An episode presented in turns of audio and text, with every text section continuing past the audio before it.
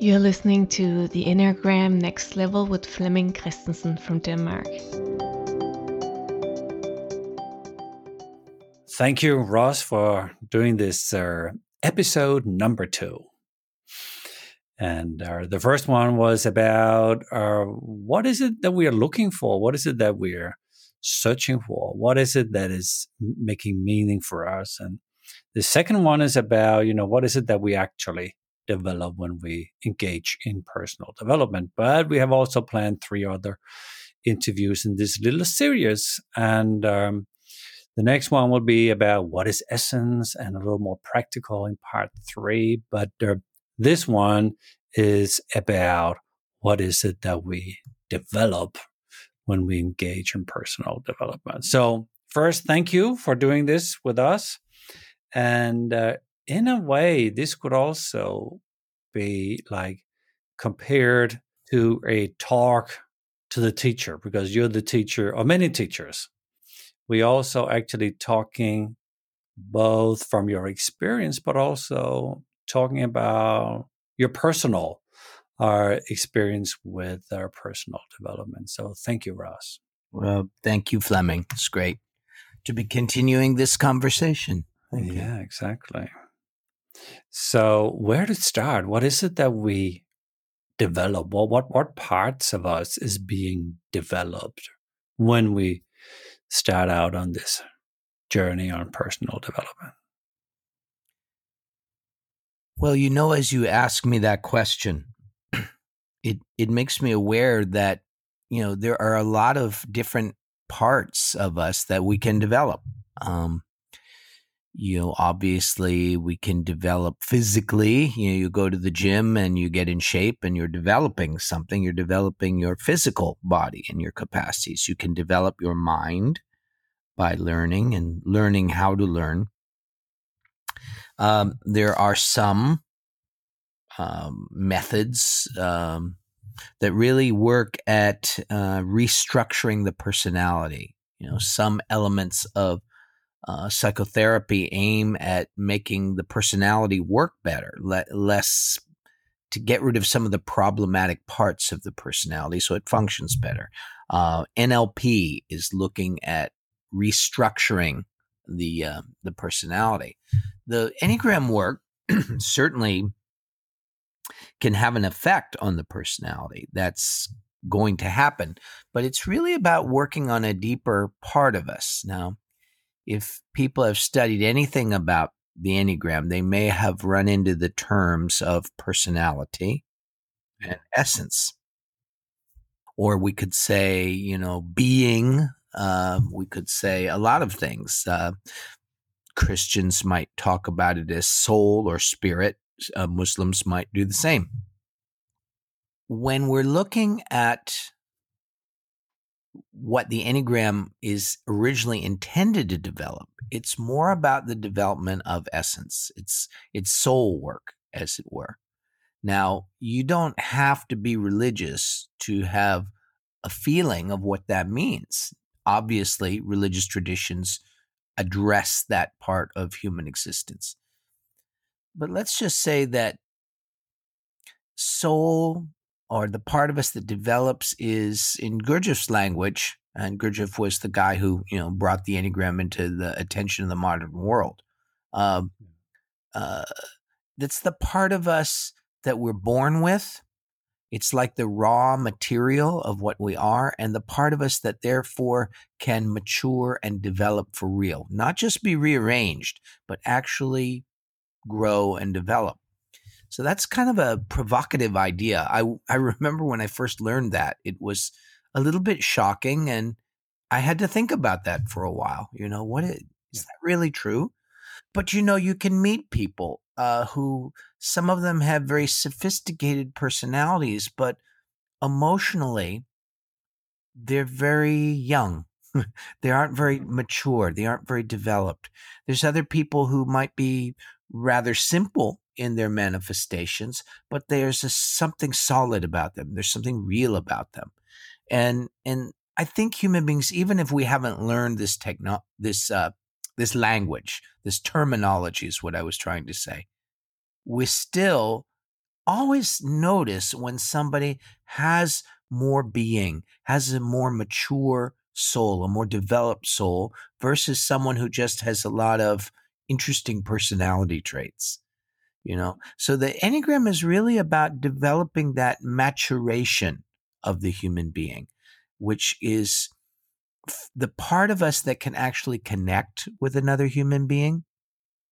Uh, it's the part of us that is able to receive new ideas or inspirations, new understandings. It's the part of us that can be courageous in the face of difficulties. So even though we don't spend a lot of time focusing on this part of ourselves, when we're really looking at the things that matter to us the most, we start to see how many of those things have more to do with this aspect of being a human being, the things that make life worth living, whatever we may be doing for our work. Uh, if we don't have this part going, uh, it, it, all becomes very empty, very meaningless, very uh, unsatisfying. Yeah. So you know, the that's the part I'm interested in developing people. There are things you learn along the way, certainly things I've learned about psychology and ways to make that easier. I think in the Enneagram work, at least as I see it, I try to help people work on the psychological parts of it so that these those issues, those psychological issues, are not interfering with the development of the person's soul or their being. You know, I'm hmm. trying, you know, if, if you're still going back to some kind of childhood trauma or wound, or you're still caught up in a certain pattern, it's very hard to sustain the kind of attention needed to really develop the soul. And that's the last thing I'd say. The, the other big thing that grows in us through this kind of work is the power of our attention we're able to sustain an attention. We can focus better. We can be less distracted by life. We can notice what matters to us and give our time and energy to what matters to us. And given that, you know, really we're not on this earth as long as we'd like to think, you know, we're life can go by very quickly. And as you get older, you really start to realize how you don't want to waste time. You mm-hmm. want to give your time and energy to the things that matter. But a lot of times the the personality is going along so quickly, we're so caught up in things that we don't remember. We don't notice what matters to us. Mm. You know? Mm. So where there's a your question is interesting and it's also complex because there's many elements to the the answer to that. Ross, would you say that we are developing the soul or the being? Or would you say that we develop the access, the connection with the soul and the being?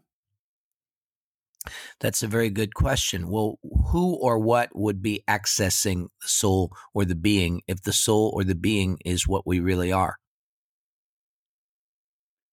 So that, you know, the, we, it's very interesting because as you start to study this work, you start to see how we use language in certain ways, whether we're speaking uh, Danish or French or English or, or Spanish or whatever language, Arabic, whatever language we're speaking. It's uh, language can be a little bit misleading. Hmm. It experientially, it's kind of both at the same time. It's like we're gaining access to ourself. We're starting to recognize ourself and recognizing ourself is gaining access to deeper resources in the self, uh, other capacities that I don't notice uh, when I'm caught up in the patterns of my personality, in my psychological patterns. You know, Gurdjieff said and I, it's not that I'm just going to agree with everything Gurdjieff said, but he said some good things. He said, for a precise knowledge, a precise language is needed. What that means to me is that when I'm teaching about the Enneagram or I'm helping people understand elements of psychology that they would be, it would be good for them to know those elements of psychology if they're working with the Enneagram, or if I'm helping them understand some of the deeper uh, spiritual traditions behind it. I cannot assume that when I use certain words that people understand what I mean by those words like the word essence, like the word passion, like the word, uh, or, or the names of any of the passions. So when I'm teaching, and I always suggest this to my students who are um, seeking to be teachers themselves, we have to explain what we mean by the words. We have to define them a little more precisely. We have to show what we don't mean by them. Hmm. And we also have to help people see something in their own experience that relates to what we're talking about. So when you define the terms a little more precisely, then the head center can participate in a better way. And the other thing is that when people feel that they they understand what the teacher means, they relax and their heart is more willing. They say, "Oh yeah, this makes sense. This is this doesn't." You know, when things make sense to people, when they correspond to their deeper experiences or their deeper yearnings, then they are much more willing to engage in the work at hand. I think it was at the last workshop I attended with you in in Cairo. Mm. I think you said something about, or I, I know I'm not quoting you correctly here, but what I picked up was like, we are not developing things. We are more kind of deinstalling things. It's more like we are taking away something that is not useful anymore so we can see what is real, what, what matters really. Or do I kind of quote you somewhat right or yeah i mean I, I you know these different things that we say are in a context when we're talking about a particular aspect of this inner work uh, but i would say that when what we're learning to do is to get out of the way of a more mm. organic mm. development uh, that's Don Riso always used to put it that way. We're learning to get out of the way of what stands between us and our unfolding. Now, that is a little kind of a strange statement at first. Like, who is it that's getting in the way of who? What do we mean here? Yeah. It's operationally or, or practically speaking, we're usually caught up so much in the personality, in our mental momentum, in our emotional reactions, in the postures and tensions that we tend to inhabit, the habitual ways we walk and talk and do things. Um, that we don't notice there is this deeper part of us. It's a kind of self hypnosis, really. And when we can notice and interfere a little bit with that momentum, with that uh, non-stop interactivity. It's like we open the windows and some fresh air comes in, or maybe some sunshine comes in. And then what's real in us is like a part of nature. It's it's like a, a, a tree or a, a flower. It it knows what to do. I don't have to direct the organic development of my being I have to disengage a little bit from my self hypnosis to expedite the process of that development. That process can take a long, long, long, long, long, long time, or it can go a little more quickly if that deeper part of me gets the right ingredients. Just like a plant needs sunshine and, and some water and needs certain conditions, so do human beings. And if we get those, those uh, characteristics, then that's good. You know, it's a nice metaphor because, in a sense, um, attention is like sunlight. So when we bring a kind of uh, aware, awake, kind attention to ourselves and we can see past our patterns. We don't get rid of them, they're just part of the scenery. But mm-hmm. we're noticing more about who we are here. When we do that, that sunlight of our attention helps what's real in us grow and become stronger so that we're not needing to get rid of the personality. It just becomes less compelling, less important to hang out in the personality because the other qualities, deeper human qualities are maturing. The the personality was there in a way to just sort of stand in for them until they were ready to go. And as we work on ourselves and they are ready to go, then we can just retire some of these personality habits. They served their purpose. Uh, the, the other side of it, though, is that the um, being kind to ourselves is like the, the water. Eh, we water our soul, we water our heart, we bring a, a kind of moisture. And that watering of the soul is learning to be merciful with ourselves, to be kind, to not judge ourselves, not to not reject ourselves, to not put ourselves down simply because we have the manifestations of a human being, right? It's, it takes a while to learn both of these, but we get more and more skillful at remembering to bring the light and the water. And then something grows in us, something flowers in our in our hearts. So it almost sounds like I know we are playing with words here, but it almost sounds like that part of personal development is actually also to develop their ego or the personality.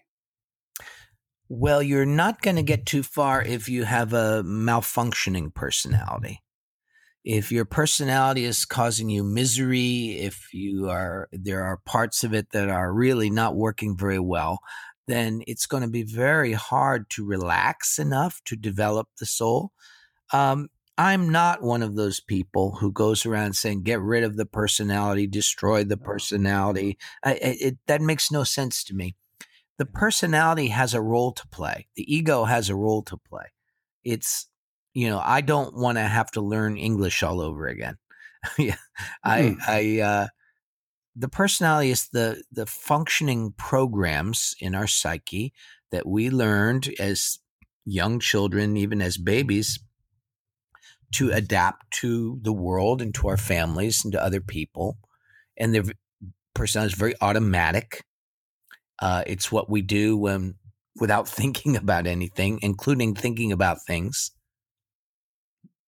So, you know, it just, as we're relaxing more into our being, it's more like our personality takes its correct place. I've said many times the problem is not that I have an ego or a personality. The problem is that I mistake what I am for the personality. I, I forget that there's more to me than that.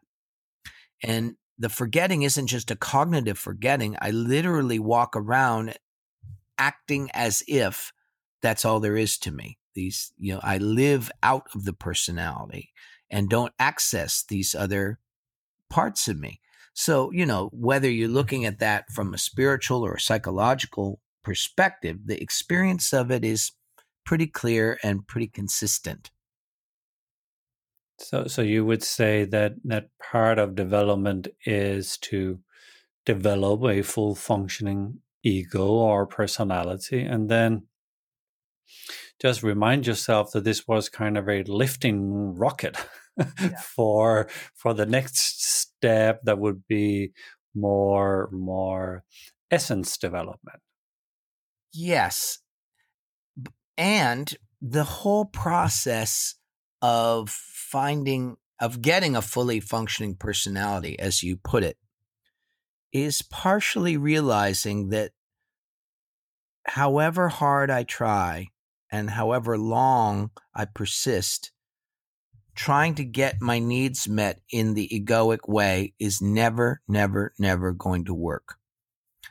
You know, if I'm still running a program trying to get my parents' love and I'm now 60, right? it's, a, it's a little late. um, it's not going to happen that way. And even if we do win somebody's love, it's not really what we're after. So part of the work and a challenging part of it is recognizing that we what we're looking for is symbolized by various things in the world. Uh, we're looking for success, for example, or money or fame, because those things symbolize some kind of validation of ourselves. If I have those things, then I'm going to be a worthwhile human being. I'm going to be uh, worth loving. I will feel good about myself if I have those things. But then we we go through the process of acquiring those things, and we learn they're not the same as having that sense of myself, that feeling. So there's a there's a process of not rejecting the various things that people do in life. Relationships are important. Being good at your work is important. You know, knowing things is important. All of that. Eh, I'm, I'm not ever going to be one of those teachers who says you don't need to do that stuff. No, if you're going to live in the world, you need those things.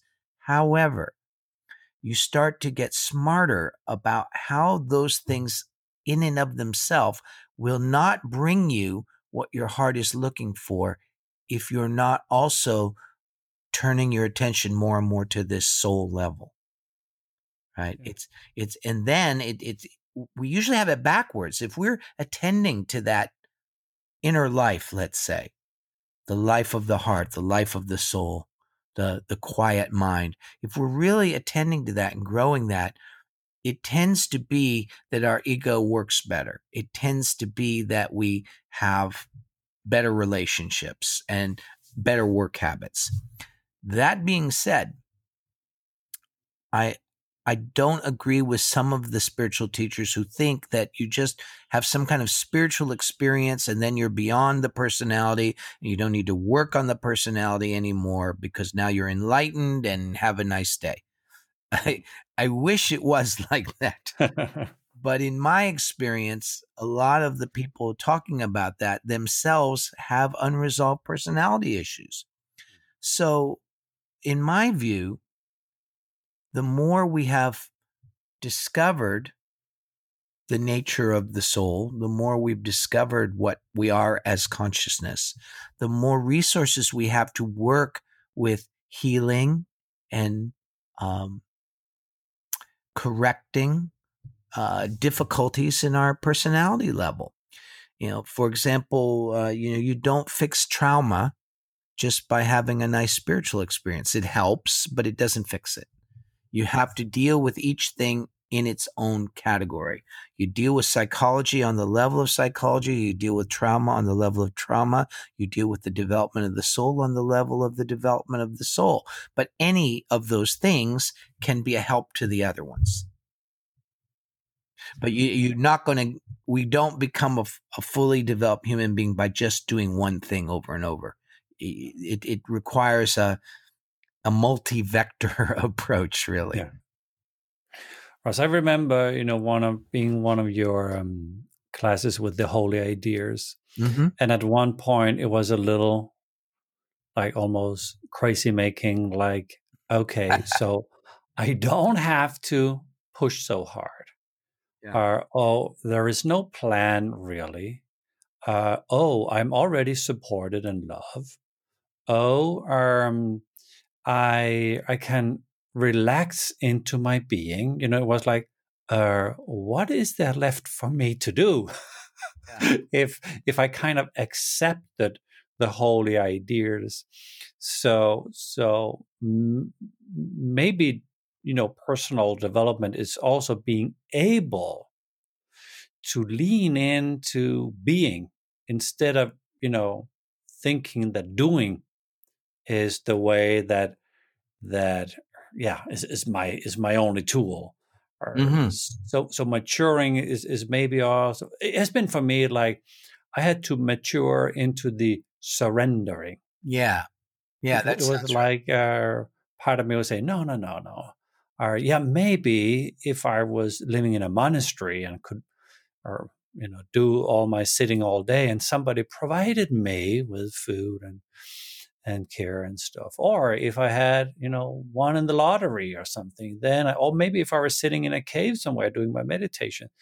But it, it was, it was very difficult to actually believe. Maybe we are into the basic trust here, but believe that I'm already loved or believe yeah. that I'm already held. Er, it, it's a, maybe it's you know the personality that is trying to make you don't don't believe it stay fixated or so what, what do you think about that? Well well it's a very subtle area you're pointing to but a very important one. The one that's saying well there's nothing for me to do well that's the ego. Because it's not that when we relax into being we stop doing things being is not the opposite of doing. It's yeah. it's the basis of doing but when we relax we're not trying to do from this scared inner kid. We're not it's not coming out of this contraction. It's more a simple immediate seeing what's needed and responding. It it comes from another kind of intelligence it's I used to say, uh, watch a great martial arts master, and you can see the guy trying to make efforts where he thinks he's doing it. Right, that's his ego, mm-hmm. and he's going to lose in the martial arts match. But a great martial arts master, a teacher, can take on several assailants at the same time and it's effortless but you can see he's not trying to do anything hmm. he's he's relaxed into a bigger intelligence, a more responsive intelligence. See, our ego doesn't know what that is. And so the ego's journey is, as you said, it's a journey of trusting. The ego is based in mistrust. It was what we developed to take care of ourselves in response to whatever didn't seem taken care of as we were kids. And that ends up being a lot of things. So the ego doesn't really know. It just it it only knows itself as the cause of action. Yeah. Right? It doesn't really understand that, you know, f- from a Holy Ideas punchline point of view, and this is a little weird, but from that deeper perspective, the ego never did anything. It just was along for the ride and taking the credit, so to speak. But the the the part the other part you're saying is you know you, was the inner critic, which is a part of the ego. But it's very an interesting thing that you know we say I to so many things. And that saying I is is what in the inner work we call identification. We say I to our feeling, we say I to our effort, we say I to our thoughts, we say I to what we created and we're always saying I, I, I, I to so many things. And that's this identification. When we're actually being ourself, that mechanism relaxes. And the sense of I-ness is then kind of not so easy to locate. it's kind of yeah. in everything. Uh, it's in all of my experience. Now, you know, that could sound far out, but I suspect most people who are listening to this uh, have had experiences like that. You know, so they're not necessarily religious or mystical that way. They can be very just an enjoyable time. Like, you know, looking at uh, point three and the holy idea there, I've talked about when people are just in flow and they're really enjoying what they're doing and you're we're enjoying it so much we forget to worry about that we that we're doing it and that we should get credit or not get credit, yeah, yeah, etc. Yeah. It just you're at one with what you're doing, not tranced out, but just relaxed. Those are the best moments, you know. And so everybody has times like that. We just don't stop and and communicate together about the significance of those moments and how important they are for us it reminds me like a couple of weeks ago i was doing my cooking here for my family yeah and i've been uh, inviting them over i did all the shopping looking at all their all their the fruits and veggies and, and meat and everything. And uh, they were not arrived here yet. And, and I was kind of in the middle of the process. And I had this feeling that, okay, I am doing this. Mm-hmm. But then it shifted into, no, I'm not. Because a lot of people have grown the veggies and somebody transported them and somebody was in the store selling it to me. And, uh, and somebody kind of built a stove and a frying pan. So no, no, no, it's not right. me. I, I, I'm part of. I don't know. I'm part of a whole. I don't know organism. It was very, very weird, and I couldn't explain them when they arrived because I, I told them I didn't do this. it's like, what are you talking about? Yeah, and then I tried, you know, using language to explain that this was part of a bigger, I don't know, machinery or something. Yeah. But it was very, very difficult to explain. Yes, and and that's just the kind of experience I'm talking about. It's Mm, mm. we human beings want to feel like our lives are meaningful. We want to feel like there's a purpose and that what we're doing matters. And, you know, it's very difficult to live your life well or enjoy your life if you don't feel something like that. Um, even if you have a lot of material comfort, if you don't feel what you're doing is meaningful, is it's very empty and very sad, right? Um, very difficult thing to live with. When we actually find meaning and purpose, it's like you were just saying. You suddenly feel part of something. So, this mm-hmm. is what's very tricky. The ego is very ambitious, right? It wants to get credit. Like, do you see what a great job I'm doing? Do you see how smart I am? Do you see how loving I am? And we, you know, you could have nine kinds of ambition, right? But when we actually find the meaning and connection we're looking for, we're less egoic. We kind of feel or recognize, like you're saying, that it isn't exactly that the the I that I thought I was is not doing this. Something else is doing this, and I don't know what it is exactly, but it's nice. It feels good.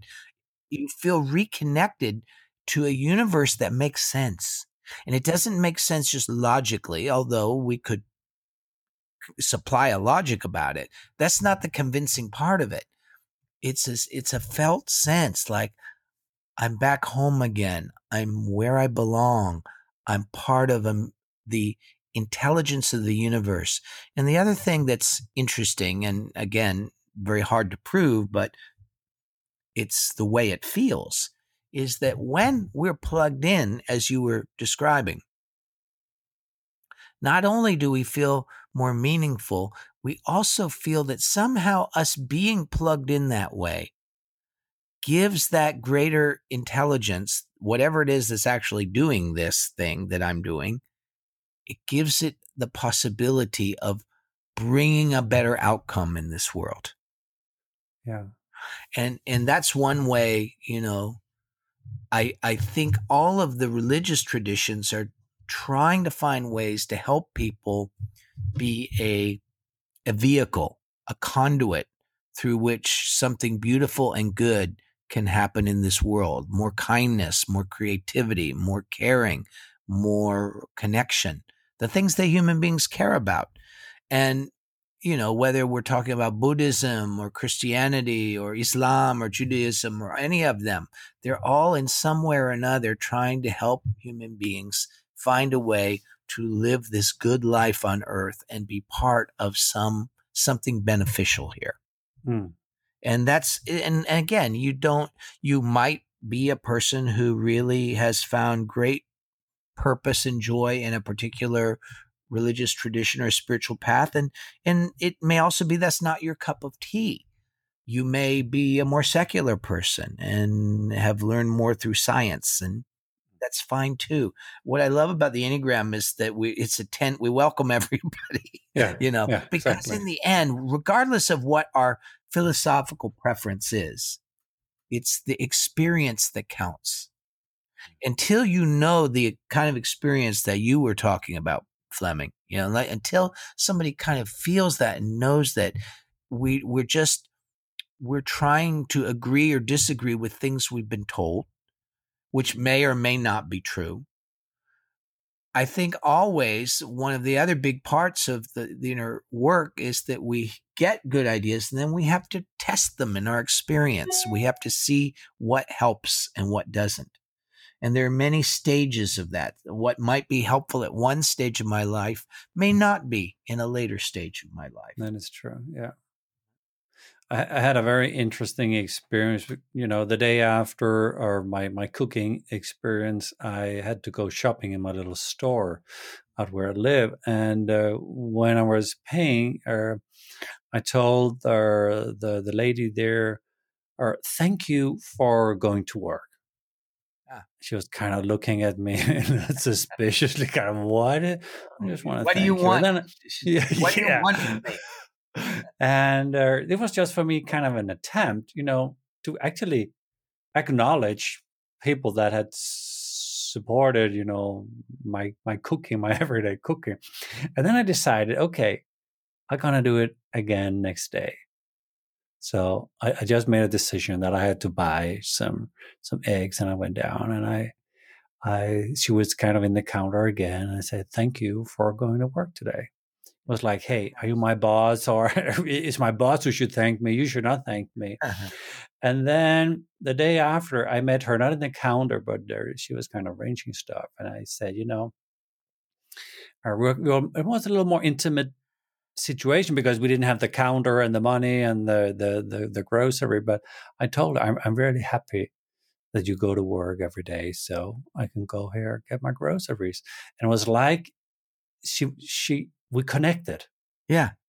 It was yeah. like she really understood that I appreciated that for whatever she'd done in her life up until now, had led her to go to work so I could get my groceries. Yes. And it was a little moment. We didn't talk much. And it was like we just nodded at each other. And from now on, when I come down there, we have this little connection that, uh, hey, I'm, I'm, it, this is not just a grocery. It's not just a place where I go and buy my milk and my eggs. No, it, it's, it's, it's, and it's, it's a place where we, we have small moments, small interactions and I don't have it with everybody. I only have with that woman that accidentally was the, the one that I connected with. Yeah. Um, it, it reminds me that when I have these connections, it, um, I see people differently. Maybe I also see myself differently, mm-hmm. but I see people, maybe not as people, but more as fellow something. I don't know. Does it make sense? This, yeah, of course. Yeah. You know, mm. one uh, idea and and practice that comes from the Jewish faith uh, is uh, is called tikkun, and it means it. We could translate it as the the blessing of the world. And in my experience, and and I think some uh, teachers of Jewish mysticism would probably agree with me here we bless what we give our attention to. Mm. And so, especially when it's uh, an appreciative attention, and that's what you did with that that lady at the uh, at the shop at the grocery. It we start to see that that ends up not costing us anything exactly. Our ego thinks, oh, I can't afford to do that. I, I need to take care of myself. Da, da, da, da, da, da. And it keeps us in a little corral right, that we don't go out of. But actually, when we give anything, and it can be a person, can be an animal, can be a place, can be an activity, when we give our full, undivided attention to something, it changes things. And I would just add, as you're noticing, I can't really give my full attention without the heart being involved in some way. Yeah. You see, yeah. if I'm really, if I'm paying attention, the heart's not involved, well, then my, it's not really my full attention. It means I'm here with that, for example, that the, the woman in the grocery. I'm present in my body with her. My heart is there in a state of appreciation and I'm there listening, looking, being with. These are small things. Evidently, the ego has all sorts of big plans and schemes, but a lot of times the things that make my life worth living, which can carry me for a long time, are these little moments where something real occurred. Now, we can have whatever ambitions we have, we can have whatever work we have, we can be in whatever relationships that we choose or that we, honestly that we end up in um, hmm. and the quality of bringing that attention to these different things in my life is what's going to make that a gracious and lovely journey or just something kind of flat uh, even when we have what we think we want. I mean, it doesn't take a lot to see, you know, when we're around people who have a lot of um, material well being, or at least compared to most of the world, most of the people we know are doing pretty good. If you consider with all that, how often people feel empty, lonely, bereft, uh, meaningless, anxious, etc., you start to see that th- these little experiences that are available to everyone are a way of, again, bringing sunlight and water to the soul, growing this other part of us. And, you know, the ancient world, they believed that, and this translated into the later religions, our purpose on earth is to grow that part of us. That's why we're here. We're here to flower something. We're here to be a certain sensibility on on planet Earth.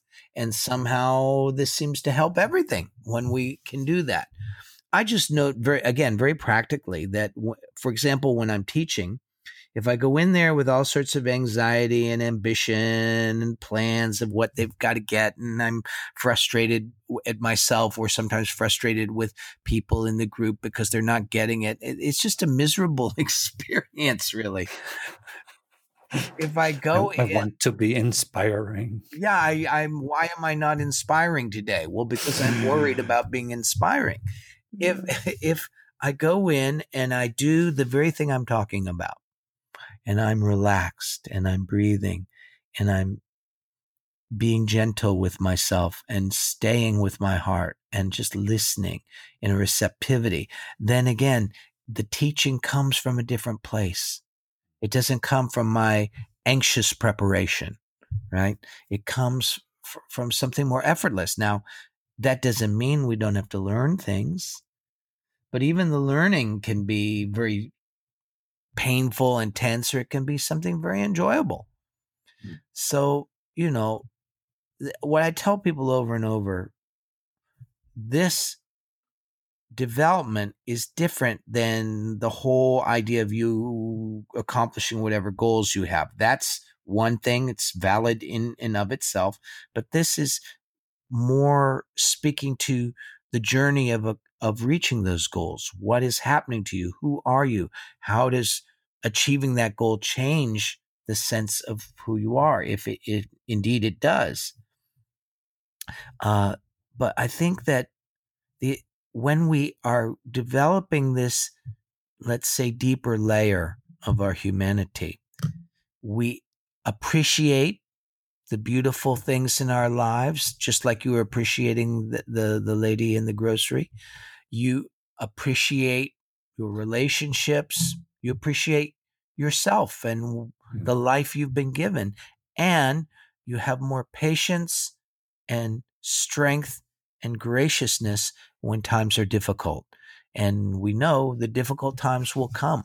Some of us at the time of this recording are going through difficult experiences right now.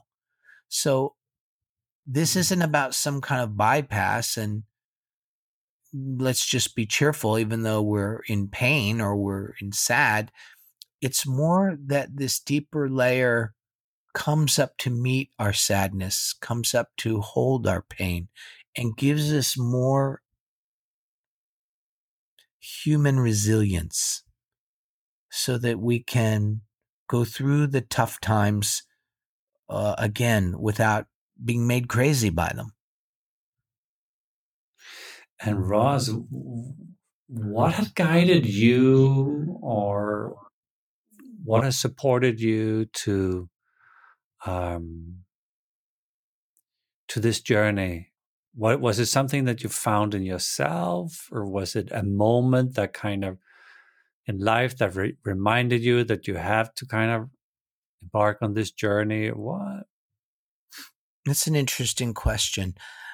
You know, I think there was some seed already in my heart.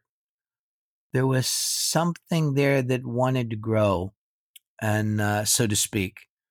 And uh, I also could say that some of the programming didn't quite set.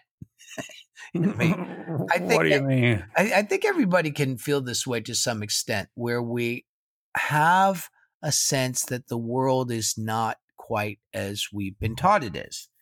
Now, I'm not going into some you know wild conspiracy theory here or something like that. That's not what I mean.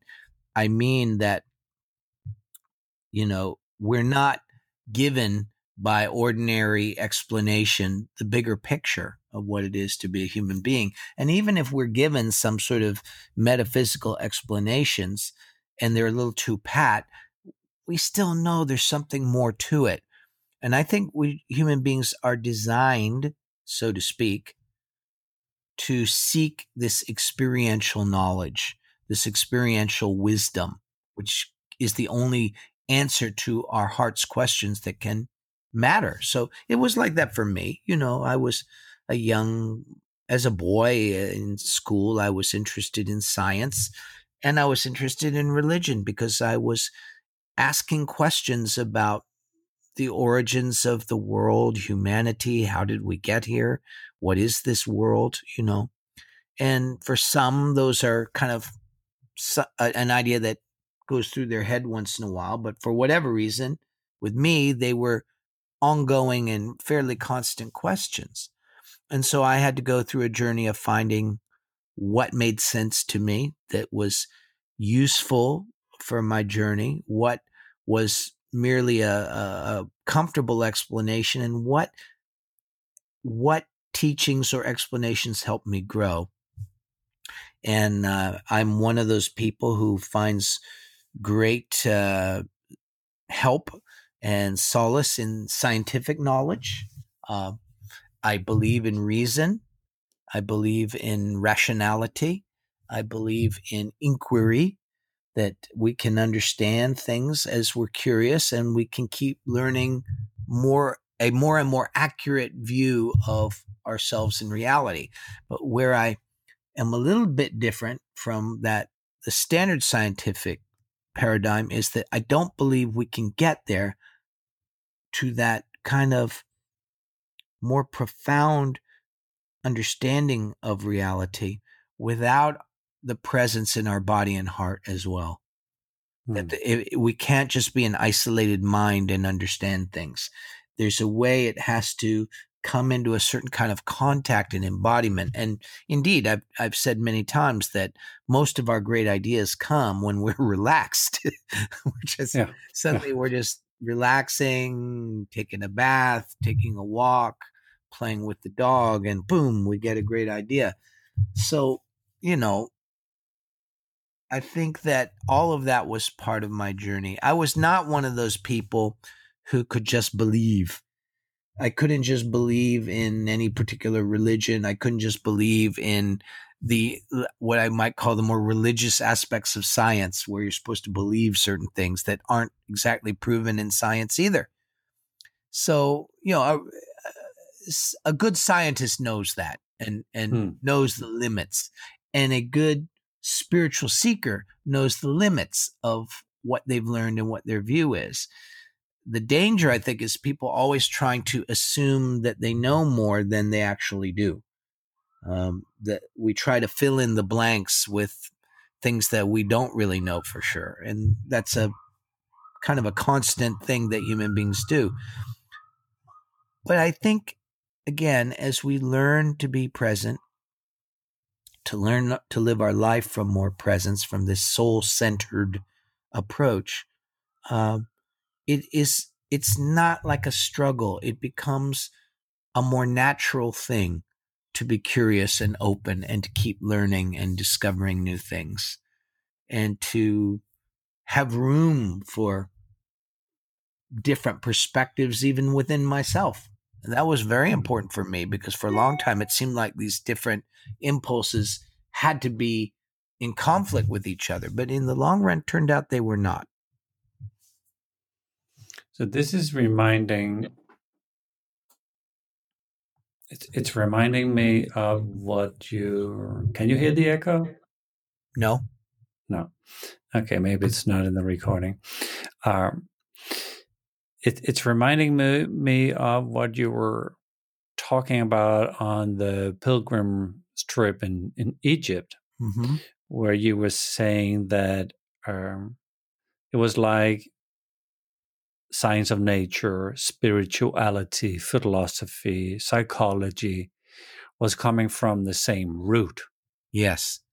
It, it's almost like that you are talking about that root that that you that you are not you're interested in the different aspects, but it's the collective origin that that is kind of is um, is uh, awakening you or um, encouraging you or make you curious or is driving you. Is is is is that a way of putting it?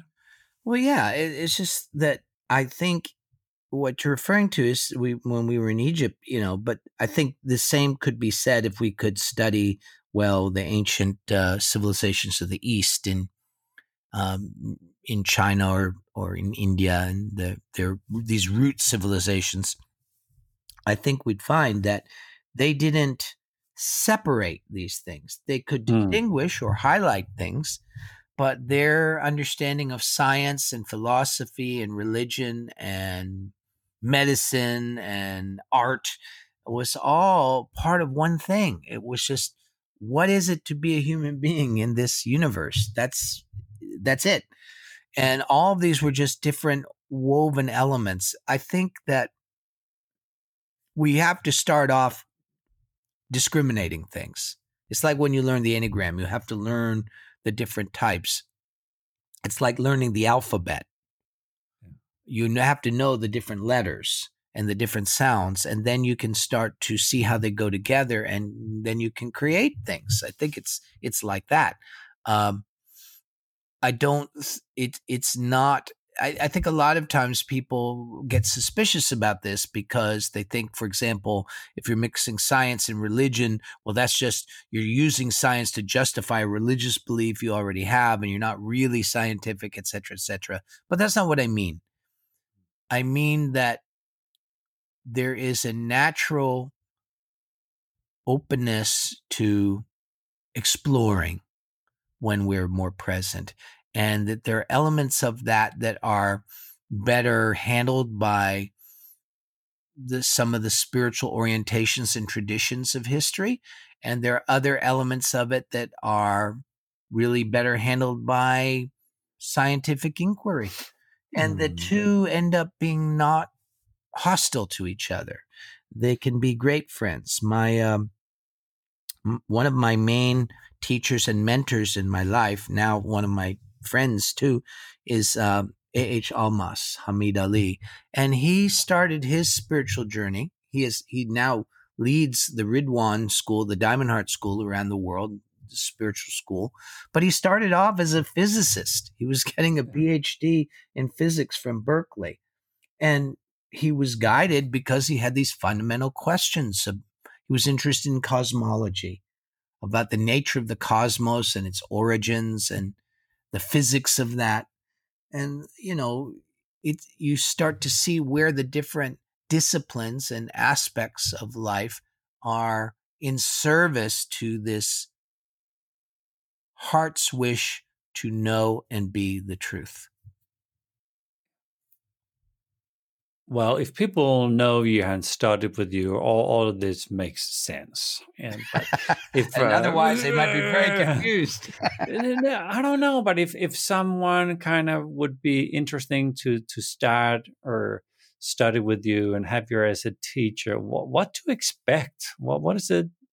A, a, a person has to ex- accept even or or or uh, be ready to are having you as a teacher. Wow, I've never been asked that before. Um, That's good. uh, let me think. Uh, well, first off, I wouldn't. Uh, one of my philosophies is I trust my students to follow their hearts to what will be helpful to them.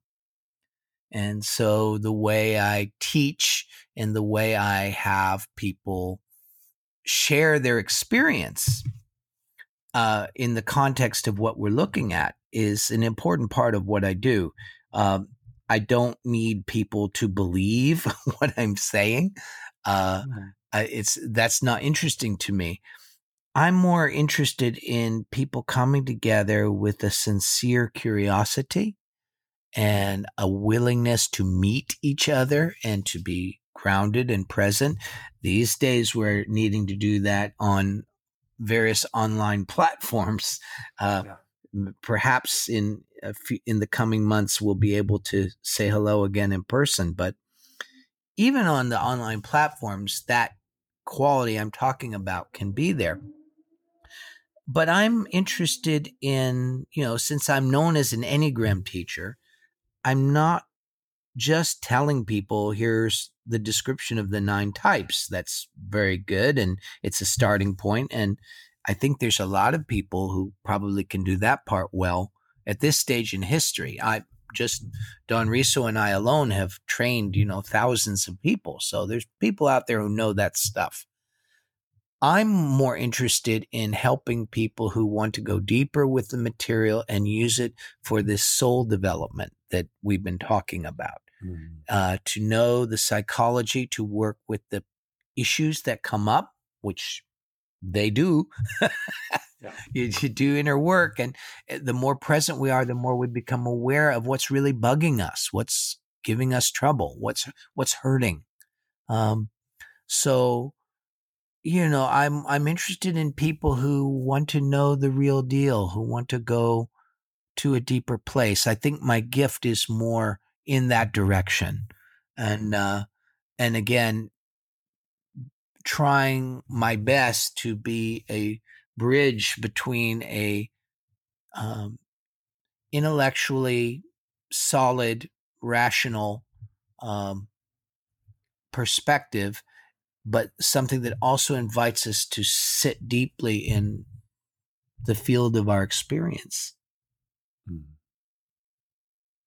Sounds like you're bo- combining both the mindfulness mm-hmm. and the heartfulness and the physical part of the journey. Well, yes. And eh, from the original point of view of the Enneagram uh, before it was popular, that's what it was for. It was for the the bringing together of these three aspects of human intelligence to make them a more help them be a coherent whole again by seeing how we distort them how we mix them up and how we don't let them come into a kind of natural alignment that's right to quote Don, how we get in our own way. Yes. Exactly. so so we can get out. That's right. Own. Yeah. Yeah. Russ, this was a really, really uh, both interesting but also encouraging um, our episode. I I really want to thank you. And um, when you talk about being present and, and aware and curious, uh, we can even do that, you know, using technology. You sitting yeah. in New York, me sitting in Copenhagen. That's uh, right.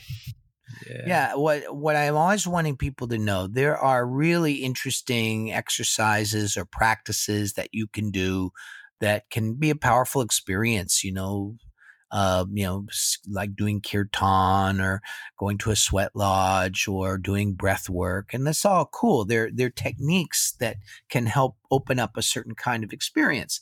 But I also want people to know that there are ways that we can access these deeper places in regular life, in the workplace, with our family, with our beloved, uh, just by learning this shift of our attention to include more of our deeper layers, shall we say, our uh, our soul layers. Uh, it, that you don't, nothing special is required. No special equipment is required. It just is requires a practice of working with our attention, and you can do it anywhere. And not only that, it's cool because it's invisible. no one will notice you're doing anything. They just notice you're a nice person. Yeah. and that you listen well. Mm-hmm. I like that. You're almost making a cliffhanger to the episode, or the third one is about the essence. You know, how what is that? But also the fourth one, you know, how do we do this in real life? How how do we practice this? Yeah, or, yeah. Fortunately, yeah. it's not as hard as it sounds in terms of of practical things. It's just it's hard to remember, but we'll talk about all that. We'll talk about it. So Russ, thank you for this um, for this uh, podcast, and uh, look really forward to uh, to meet you again to do the next ones.